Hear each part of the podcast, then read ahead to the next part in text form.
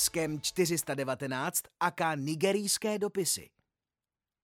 Zrovna nedávno mi psal pan Abbas Muhammad z Dubaje, že jsem se opět stal milionářem.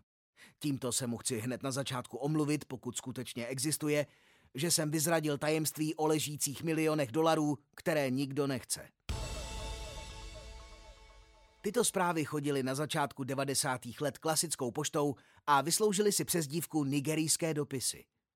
Důvod byl ten, že většinou přicházeli z Nigérie a většinou byly o milionech pocházejících z těžby ropy, diamantů či zlata. Nebudu se dlouze rozepisovat, že šlo o čistý podvod, pracující s touhou každé bytosti být bohatou a úspěšnou a jejímž cílem bylo naopak z oběti vylákat peníze.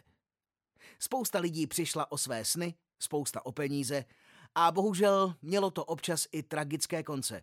Například, když spravedlnosti domáhající se důchodce zastřelil v Praze pracovníka nigerijské ambasády.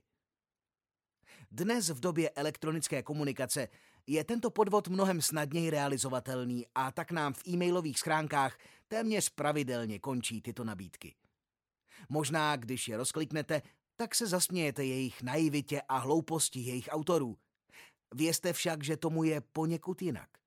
Tvůrci nejsou vůbec hloupí a kolikrát primitivně působící legendy jsou takto sepsány úmyslně. Ano, za průhledností těchto příběhů je úmysl. Proč tomu tak je? Podvodníci necílí na člověka, který má pochybnosti o reálnosti.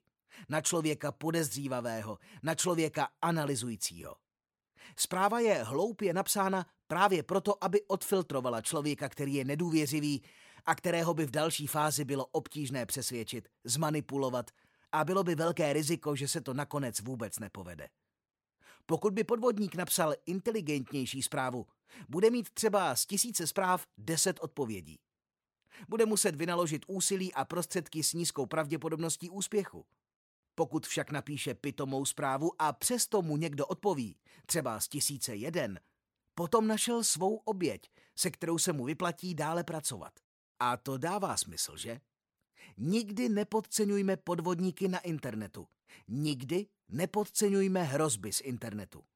Takovým dalším naším bezpečnostním filtrem, který bychom měli v mysli zapnout, pokud přijde nějaká nabídka, je známé pravidlo. Pokud je nabídka v e-mailu příliš dobrá a lákavá na to, aby byla skutečnou a pravdivou, potom to nebude pravda, ale bude to pokus o podvod. Nespoléhejte na to, že se vaši uživatelé dokážou vždy sami ubránit. Chystejte je na to, trénujte je na to. Bohužel se dá čekat, že ten útok jednou přijde.